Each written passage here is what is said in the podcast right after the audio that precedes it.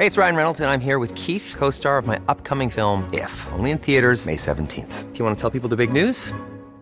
All right, I'll do it. Sign up now and you'll get unlimited for $15 a month in six months of Paramount Plus Essential Plan on us. Mintmobile.com slash switch. Upfront payment of $45 equivalent to $15 per month. Unlimited over 40 gigabytes per month. Face lower speeds. Videos at 480p. Active Mint customers by 531.24 get six months of Paramount Plus Essential Plan. Auto renews after six months. Offer ends May 31st, 2024. Separate Paramount Plus registration required. Terms and conditions apply if rated PG. Life is full of awesome what ifs and some not so much, like unexpected medical costs. That's why United Healthcare provides Health Protector Guard fixed indemnity insurance plans to supplement your primary plan and help manage out of pocket costs. Learn more at uh1.com. Du lytter til en podcast for Third Ear. Det her er femte afsnit af vores serie UFO-folket. Denne her gang Orton-bevægelsen. Øh, Orton-bevægelsen. Jeg møder Knud Viking ude hos et ægtepar i Coop. Jeg kommer derud, fordi jeg skal høre en, der hedder Knud Viking, der skal tale om, at verden går under. Jeg kommer ind hos de der to pragtfulde mennesker i Coop, og øh, jeg ser, at der er en øh, trappe op til første salen, og hele trappen, den må man sådan øh, snige sig op af, for den er fyldt med kufferter hele vejen. Øh, skal I på ferie, eller rejser, eller hvad, hvad skal I? Og de ser lige så overbærende på mig, og så siger de, vi skal være klar, når rumskibet lander. Meget snart, så kommer rumskibet og tager os med. Vi skal være klar, det siger Knud Weichen.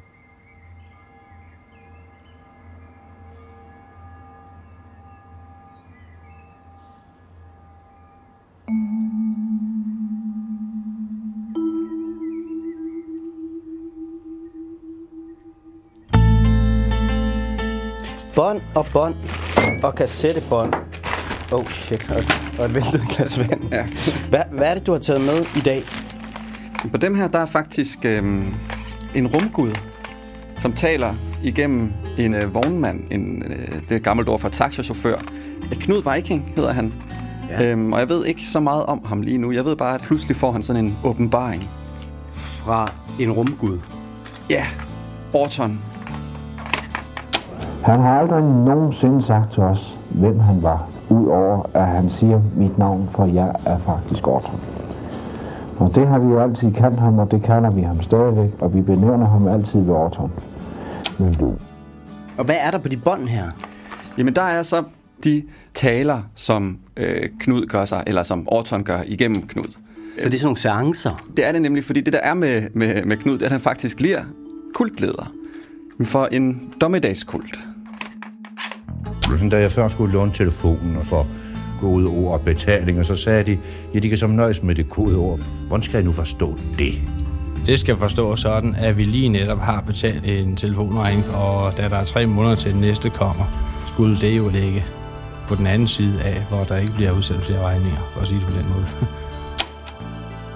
Juleaften, der vil Orton åbenbare sig for menneskeheden, og senest dagen efter vil jorden simpelthen øh, gå under. Hvornår er vi her? Vi er i 1967. Så det er længe siden. Det, det skete ikke. Det, øh, det skete ikke, nej. Hvad sker der så, når jorden ikke går under? Det er jo lige præcis det problem, som øh, den her historie handler om. Hvad der sker, når jorden ikke går under. Det siger altså, mener der er en, en noget øh, religiøst i selve UFO-bevægelsen? Det er absolut en, en religiøs baggrund.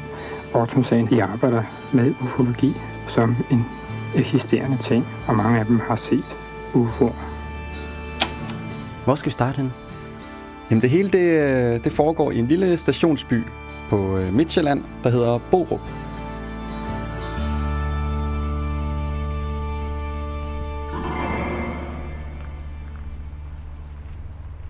Det er en dejlig solskinsdag, da jeg kommer til Borup. Det er her Orton-gruppen holdt til, og jeg skal besøge Paul Ede Hansen, den lokale Orton-ekspert. Jeg leder efter Kimerslevvej 11. Har du nogen idé om, hvad det er? Altså, hvad... Jeg tror privat. Okay. Så det er det der Orton halløj, hvis du kan huske det. Har du hørt om det? Nej, det tror jeg ikke. Den der øh, UFO-kult, der var her i byen. Åh oh, gud, nej, det ved jeg ingenting om. Når var han en del af det? Nej, det er han ikke. Okay. Men du kender godt Paul alligevel, sagde du? Øh, hvis det er ham, så har han sådan noget stort, flot, øh, krøllet, langt hår. Han er lidt oppe i årene, og Okay. ja, han, er, han virker rar. Paul har boet i Borup hele sit liv. Da Orton-bevægelsen kom til byen i 1967, var han en lille skoledreng. Og der er nogle geder der. Hey. I dag bor han på en stor gård i udkanten af byen. Hallo? Dag. Hej. Paul har lovet at vise mig rundt og fortælle mig om dengang Orton-bevægelsen holdt til i Borup. Og vi skal køre i en af de flotteste biler, jeg nogensinde har set. Jeg skal bare lige have den her bil ud. Okay. En gammel Citroën.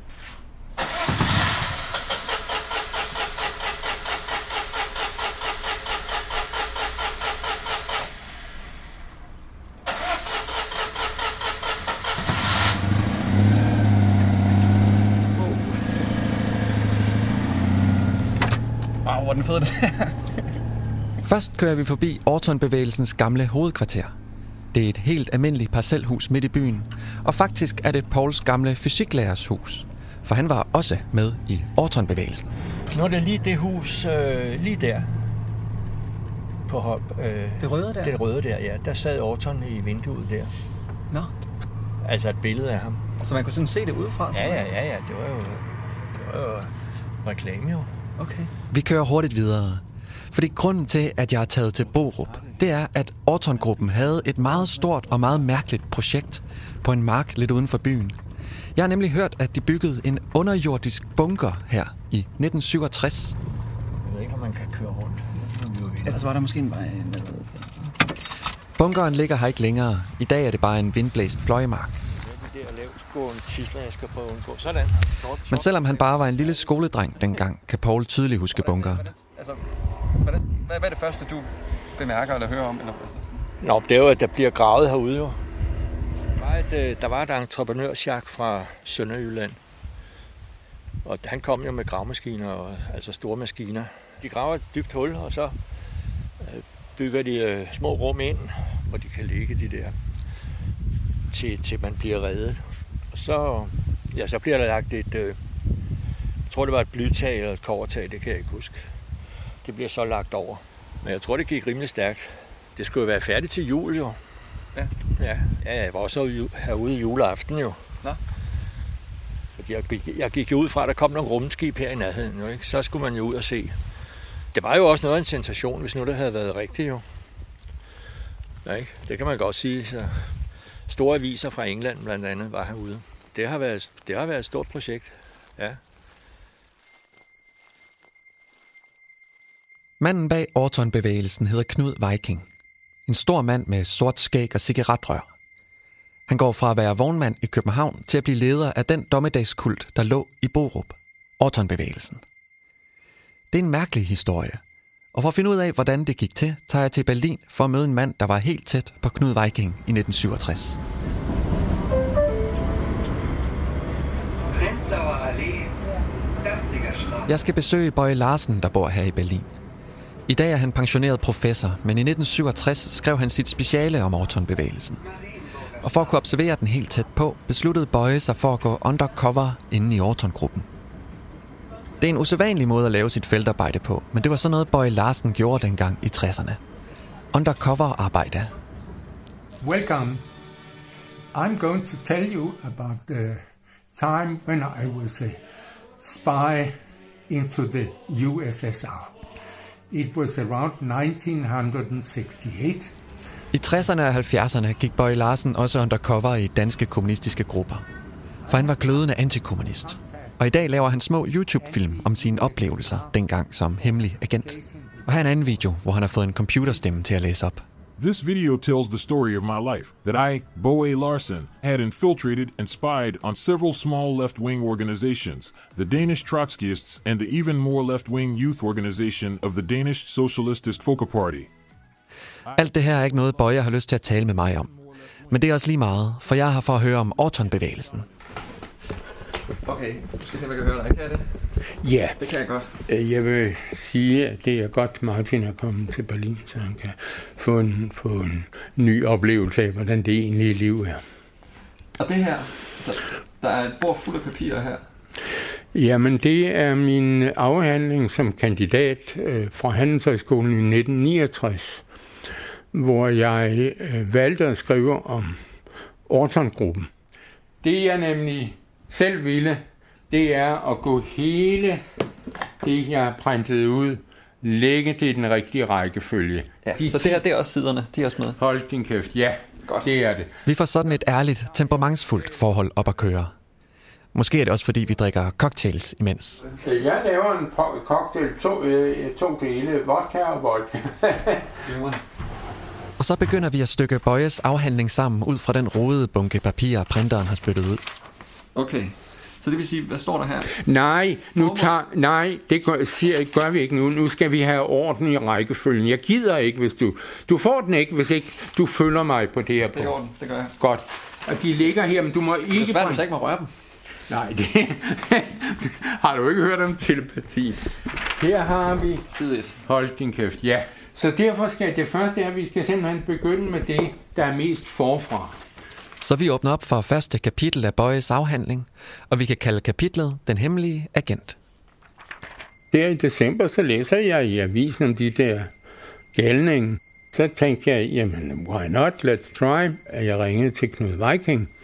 Bøje læser om Orton-gruppen, som er ved at bygge en bunker, fordi jorden går under snart. Om 3-4 uger faktisk. Det tror Bøje ikke på, men han synes, det ville være interessant at studere nogen, der gjorde. Jeg sagde til ham, jeg havde tænkt, jeg bliver, øh, øh, jeg bliver nødt til at forklare dem, hvorfor vil jeg deltage. Det var sådan min logik. Så jeg tænkte, jeg måtte have, man kan godt kalde det en cover story. Så jeg sagde, at jeg havde haft en, en drøm om, at verden ville gå under.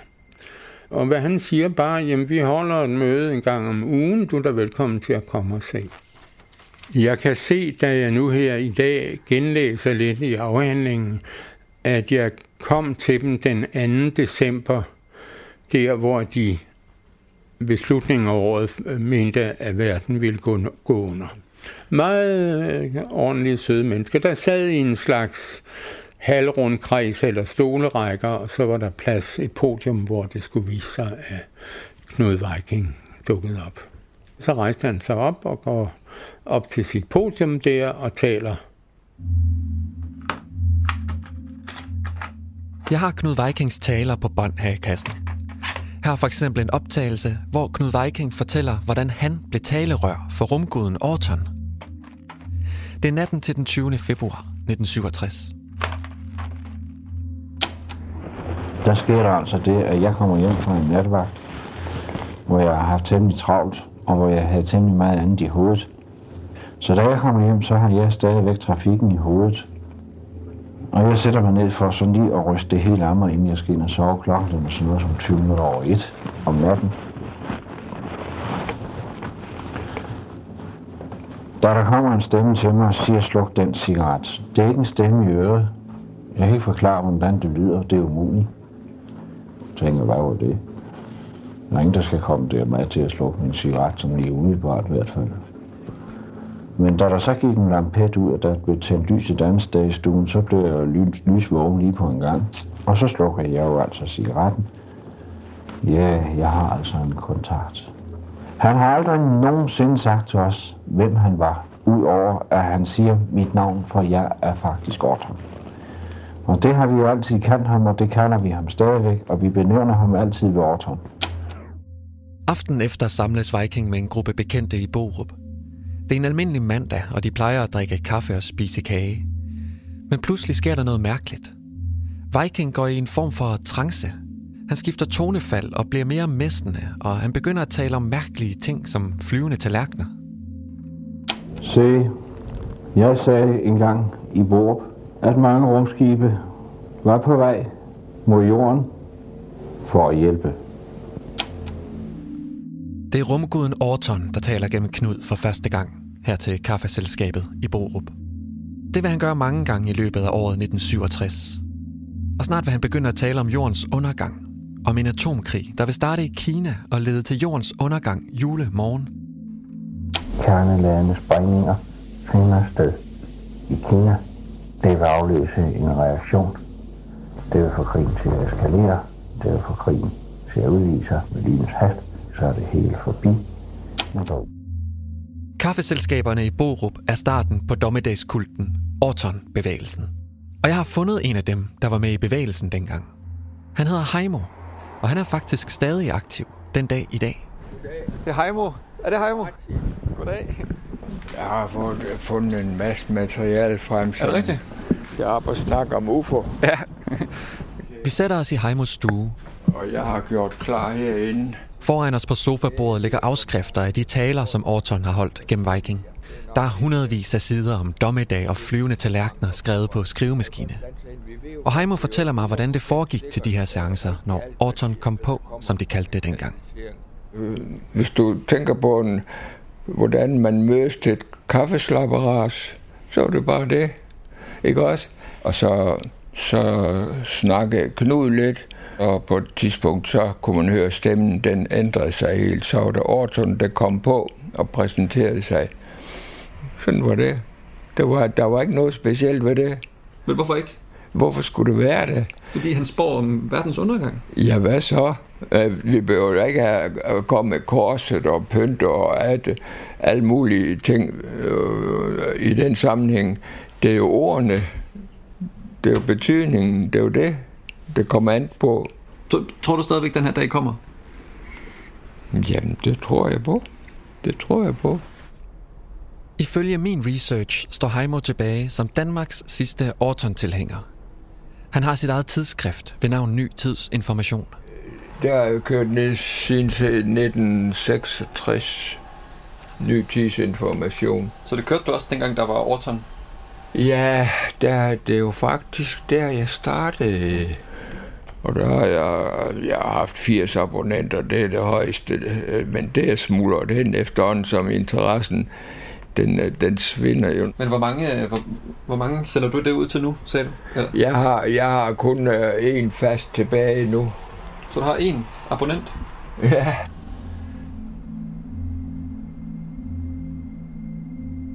I dag er der måske kun Heimo tilbage. Men i løbet af 1967, der voksede Orton-bevægelsen med hastige skridt. UFO-troende i småbyer rundt omkring i hele Danmark blev inviteret til møder, eller kaffeslapperas, som Heimo kalder det, for at høre Orton tale om jordens undergang gennem Knud Viking. Ja, der vil ske det, at havets brintatomer vil fusere i en kæmpe historie, og så vil jorden blive en nova sammen med de andre planeter og solen. Der kommer flere og flere medlemmer, og gruppen lukker sig mere og mere om sig selv. Orton-bevægelsen kommer til at ligne en sekt, og resten af UFO Danmark kan slet ikke forstå, hvad der foregår inde i gruppen. Jeg vil gerne sige en ting, at det selvfølgelig er fuldstændig vildt. Og jeg kan jo ikke lade være at, at, at tænke på, hvad de mennesker har tænkt på, der startede det.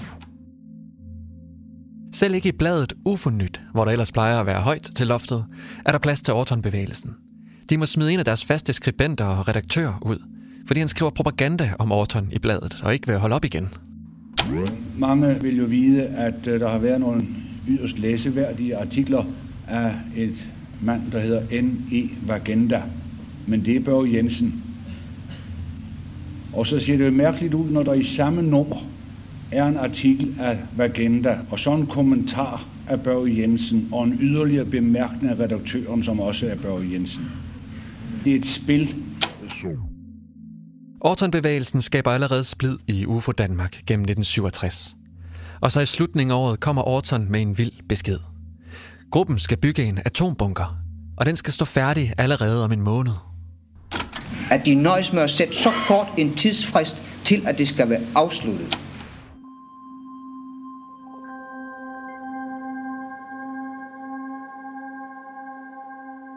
Bøje Larsen, ham der infiltrerede gruppen, og hvis afhandling vi er ved at lægge i rækkefølge i Berlin, han var der dengang i 1967, da de byggede bunkeren. Jeg håber, du udsender det her til lytterne. Det er nu. Kan jeg vide, hvad han siger nu? 12, måske 13?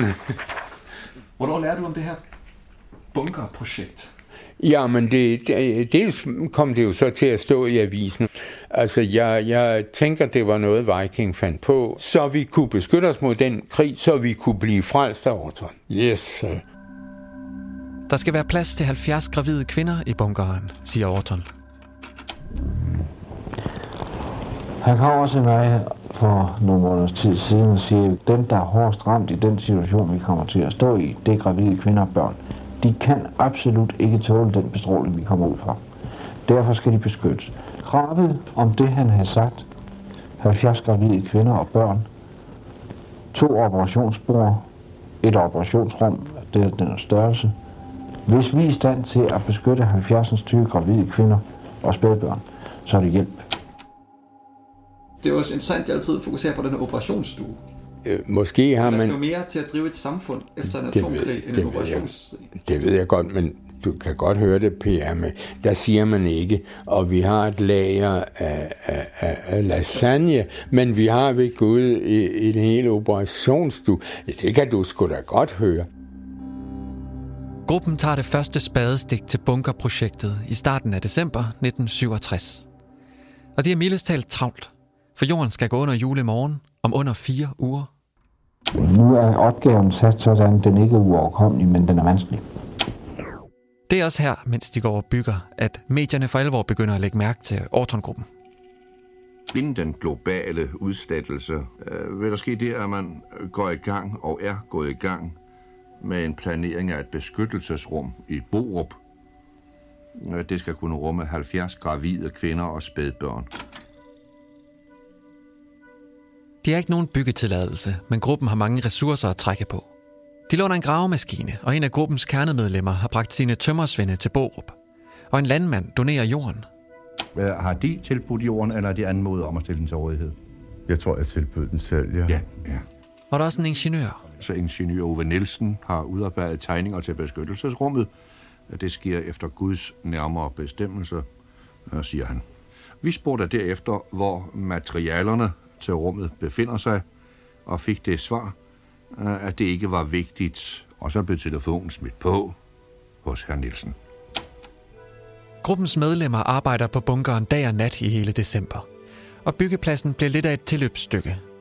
Ifølge aviserne var der mange besøgende, der kom til i biler for at se det her mærkelige fænomen om disse galninge, der lavede bygget bunker mod en atomkrig.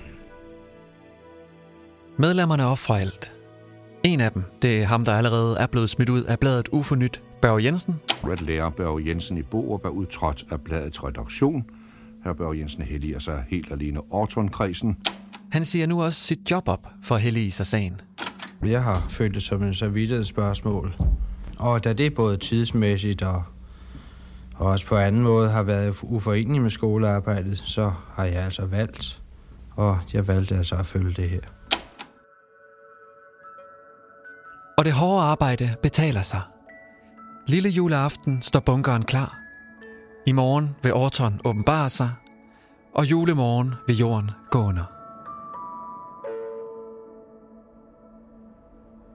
Kan du huske den, den jul, da det skulle ske? Ja, det kan jeg huske. Hvad skete der så? Ingenting. Vi så jo ingenting. Vi, jeg, jeg, jeg skulle da lige ud og kigge, hvad, hvordan skete det. Og, og jeg, havde, jeg kan huske, at vi var sammen med mine svigerforældre, og de grinte jo af os. Ah, det, det, det havde jo gjort hele tiden, grinte af os med, at vi gik ind for det der. Og så blev vi selvfølgelig endnu mere til grin, da der ikke skete noget som helst. Ikke også? Så skulle vi jo så hen og have forklaring. Jorden går ikke under juleaftensdagen 1967, som vi alle sammen ved. Så nu står Viking med et forklaringsproblem. Og nu ændrer Knud Viking sin forklaring. Nu fortæller han alle sine følgere, at der skete en misforståelse. Det var ikke en atomkrig, som Orton havde forudset, men opfindelsen af en evighedsmaskine, der fungerer på atomenergi. Og så kom jo den der summa summarum. Ideen fik Viking fra en mærkelig bog, der hedder Summa Summarum, som en af hans venner har skrevet. Bogen består af rimende vers og nogle tal fra Keopspyramiden, og noget automatskrift, som er lavet under trance. Jeg læser summa summarum og bliver mere og mere forbavset, da jeg ser, at den passer som hånd i handske ind i de ting, som vi har fået at vide. Summa Summarum beskriver en evighedsmaskine. Den forklarer Knud Viking om på båndet her. Og han viste mig den tegning, som er konklusionen af hele hans konstruktion. Den er meget indviklet. Bøje Larsen mener, det er en bortforklaring. Endda en dårlig en af slagsen. Jamen, det var ikke en atomkrig, vi talte om. Nej, der er en sket en lille misser her. Det er en kerneudviklingsproces. Ikke? Ah, så er vi blevet frelst. Vi talte om det, og jeg kunne ikke have nogen betænkelighed, fordi det måtte være sådan. Det var rigtig sådan. Så jeg tog tegningen med hjem, ringede journalisterne op og sagde, nu skal I se her, det var en profeti, der var tale om. Profetien ligger der. I min tolkning var det Vikings vej ud af kniben. Nu sidder vi der, og vi kigger på uret, hvornår kommer bomben, ikke? og vi har købt sutterne og alt det der. Men de svinehunde vil sgu ikke producere nogen krig. Alt det, vi har satset vores reputation på, det bliver nothing. Ikke? Og der hænger vi jo noget i det. Ikke? Det er bestemt ikke alle i Orton-bevægelsen, der køber Vikings nye forklaring. Og Vikings autoritet er også svækket i tiden efter, at jorden ikke går under. På mødet den 28. december, der er Knud Viking til stede, men han vil ikke deltage i mødet. Hans autoritet er så svækket, står der. Ja. Derfor opholdt han sig i et tilstødende lokale. Ja. Så har de møde igen øh, den 3. januar, var Viking rykket ind i mødelokalet igen. Mm. ja, step by step. På mødet den 17. januar kom Orton på for første gang siden nu, Genkomst og begynder og vende tilbage til sit gamle Orton, jeg. er Orton igennem ham. Ja. Da han satte sig igen, opstod en stærkt lettet og oprømt stemning. Alle var glade. Han er sgu da meget god, ham Viking der. Det er jo, han er jo åbenbart ikke sådan en skvatmås, så han siger, nu må jeg hellere springe ud fra den højeste bygning i Borup, hvad der nu ikke vil give meget selvmord, men kæmpe for det. Så øh, hvad sker der så bagefter? Ingenting. De holder møderne, og, og, og, og Hvad snakker, hvordan er stemningen så der? den samme. Det er jo det, der er fantastisk. Man skulle jo tro, de rendte væk i skrine og sige, det var øh, fodboldfordjus, men rigtig troende er jo ikke øh, per definition tilgængelige for fakt, fordi deres tro er vigtigere end fakt. Viking fortsætter med at prædike Ortons beskeder til sine følgere, men Orton-bevægelsen svinder ind til det rene ingenting. Og så er der bare et enkelt spørgsmål tilbage nu. Hvad var meningen med det hele? Hvad fik en taxachauffør fra København til at kanalisere en rumgud og starte en dommedagskult? Det spørgsmål mangler jeg stadig svar på. Og mærkeligt nok, så tror jeg, at jeg har fundet det. På et spolebånd hjemme hos Martin Thysen. Altså, det, det, Martin, det er en pissegod kage. Undskyld, jeg bander. Det glæder mig da at høre. Det er ham fra Solvognen i første afsnit. Ham med lagmærerne. Hvor er æblerne fra? På min have. Martin Thysen viser mig et spolebånd med et foredrag på.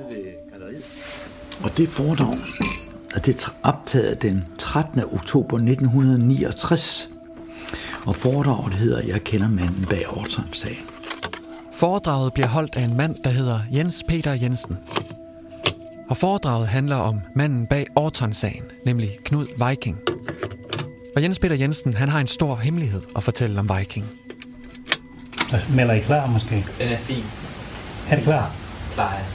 På båndet fortæller Jens Peter Jensen om en dag, hvor han beslutter sig for at tage til et af Orton-gruppens møder. Han vil gerne se, hvem denne Knud Viking er, som alle UFO-interesserede går og snakker om for tiden. Vi nærmer os så Diana Lund, en gammel skole, som er mødt på holdes i. Jeg kunne så ind og banke på en, en af de her tre skolestuer, der var der. Og jeg synes, det var noget mærkeligt atmosfære, der var i det hele taget. Ortons øh, talerør, Knud Viking, han kommer så endelig stor og kraftig og hilser på op sin vej op mod højaldet, hvor han skulle tale. Og han når så også til mig. Til sin store overraskelse opdager Jens Peter Jensen, at han kender Knud Viking fra gamle dage, men under et andet navn. Men jeg holder fast i hans hånd, og så siger jeg, nej Knud, så let slipper du ikke. Hvad? Hvad? Er det virkelig dig? Er det virkelig dig? Han omfavner mig og kysser mig på den ene og den anden kind, ligesom vi søger fjernsynet, når russerne de møs. Så kan han til at græde. Lige til tåren ret ind af sort skæg. Jens Peter Jensen ved noget om Vikings fortid, som ingen andre ved. En stor hemmelighed, som ikke under nogen omstændigheder må komme ud. Så Viking slutter mødet, inden det overhovedet er kommet i gang, med de her mystiske ord. Og så om siger rejser sig op og ser ud over forsamlingen. Min mester er kommet. Min cirkel er slut. Jeg har ikke mere at meddele jer. Og hemmeligheden er også så stor, at Jens Peter Jensen til foredraget i Solvognen 10 år efter forlanger, at båndet skal stoppes, hvis han skal fortælle den til forsamlingen. Nu øh, vil jeg bede om at stanse mikrofon, eller jeres modtager her. Og så vil jeg forklare hvorfra jeg kender Knud.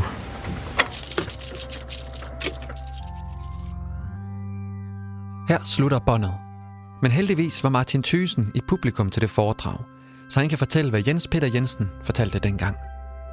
Dengang, at krigen sluttede, det var sådan, så de, der havde givet mad til de tyske børn, fordi de var i forældreløse og hjemløse og havde der pommeren til, de kom i fængsel.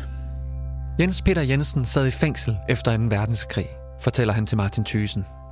Og i den tid, jeg sad i fængsel, der sad jeg i fængsel sammen med en anden. Og det var en, der havde været med i Frikorps Danmark. Ved du, hvad det er? Og det vidste jeg spillet med ikke dengang. Nej, det ved jeg ikke. Det var dem, der frivilligt arbejdede for Hitler og blev sendt til fronten og var med på tysk side for Europa og hele verden. Ham sad jeg ved siden af. Han sad nemlig i fængsel. Og han hed Knud Rasmussen. Ja vel, sagde jeg så. Men hvad er det med Knud Viking at gøre? Ja, det tog han jo navnforandring for at, at blive en anden person.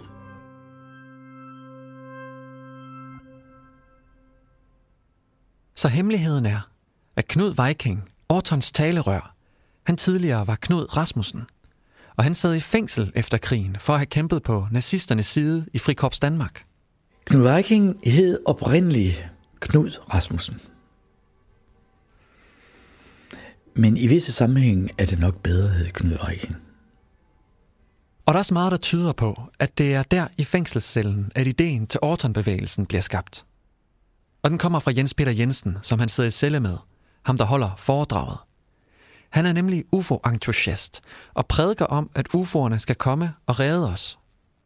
Og det er om, at vi får besøg udefra, for at få menneskeheden løftet fra en stor fejltagelse, som 2. verdenskrig var, til at det aldrig sker igen.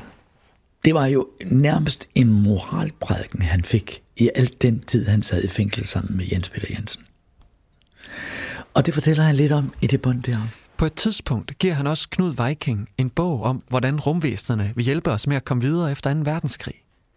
På samme måde som Orton skal hjælpe Knud Viking og hans tilhængere efter den store atomkrig. Og bogen, den er skrevet af en Otto Viking. Tror du, han har taget navnet Otto Viking og lavet det om til Knud Viking? Viking og Viking. Øh, jeg vil ikke have nogen tro blandt andet i det her, men det kunne være en tanke.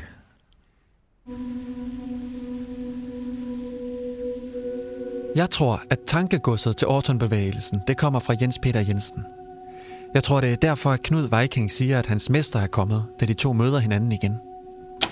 Og så om siger rejser sig op og ser ud over forsamlingen. Min mester er kommet. Min cirkel er slut.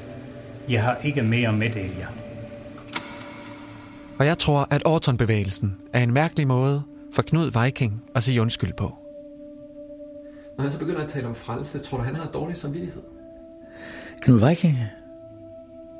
Det tror jeg. Så man kan jo postulere, at han har gjort sin livs fejltagelse Ja. at være Dansk Frikorps, Ja. på bedre veje, Mm. og så øh, gå rundt og filosofere over det her, Ja. i, mens, han kører, hvor, ja. mens han er vognmand i København. Ja, ja. Det ville være oplagt at tænke som, som jeg ikke ved det. Altså hvis man får flere til at tro på sin frelse, Ja, ja. jo mere troværdig bliver den. Ja, og jo mere får han, hvad skal man sige, rettet op på de fejltagelser, han har gjort. Jamen, det var jo, nu kom han i vælten igen. Han blev kendt. Det var det, vi fandt ud af, eller ikke fandt ud af, men antog som et motiv. Han, den taberen, blev pludselig en slags vinder. Det var ikke sådan, at han opfandt Orton af den grund. Det synes jeg ville være for en alt for en mekanistisk forklaring. Men det var da rart, vil jeg sige, set fra hans perspektiv. Nu ikke bare være ham der nazisvinet. Som kørte taxa i København. Som, som var reduceret til at køre taxa. ikke? Men nu var noget, der var i aviserne, og som var kendt over hele verden, og havde tusind øh, tilhængere. I dag er der ingen spor tilbage af Orton-bevægelsen. Der er bare en tom og vindblæst pløjemark lidt uden for Borup, der hvor der engang lå en underjordisk bunker med operationsstue og plads til 70 gravide kvinder. Men der skal, de var væk. Altså, der var ingen derude juleaften, og der var heller ingen øh, af Orton-folkene. De var ikke herude. De havde, på det tidspunkt var det udskudt eller annulleret. I sidste øjeblik. Det er en sjov ting at afløse. Dommedag. Ja, altså de, de boede et stykke tid heroppe i Borup, og så, så fraflyttede de. Så efter juleaften, der stod en tom bunker herude på Mark i Borup. Ja, det gjorde det. Ja, så til sidst, så det har nok været kommunen, der så har øh, revet den ned.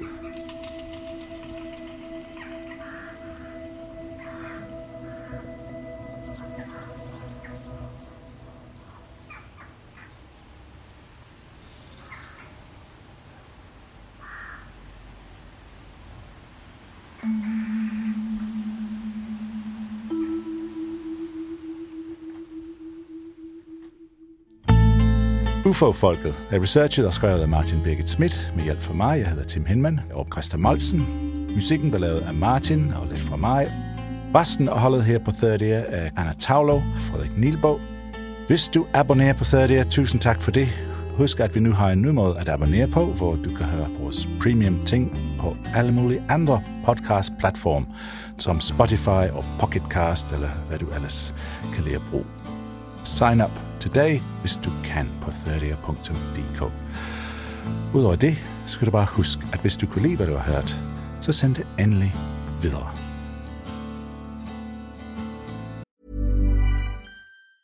Planning for your next trip? Elevate your travel style with Quince. Quince has all the jet setting essentials you'll want for your next getaway, like European linen, premium luggage options, buttery soft Italian leather bags, and so much more. And is all priced at 50 to 80% less than similar brands. Plus, Quince only works with factories that use safe and ethical manufacturing practices. Pack your bags with high-quality essentials you'll be wearing for vacations to come with Quince. Go to quince.com slash pack for free shipping and 365-day returns.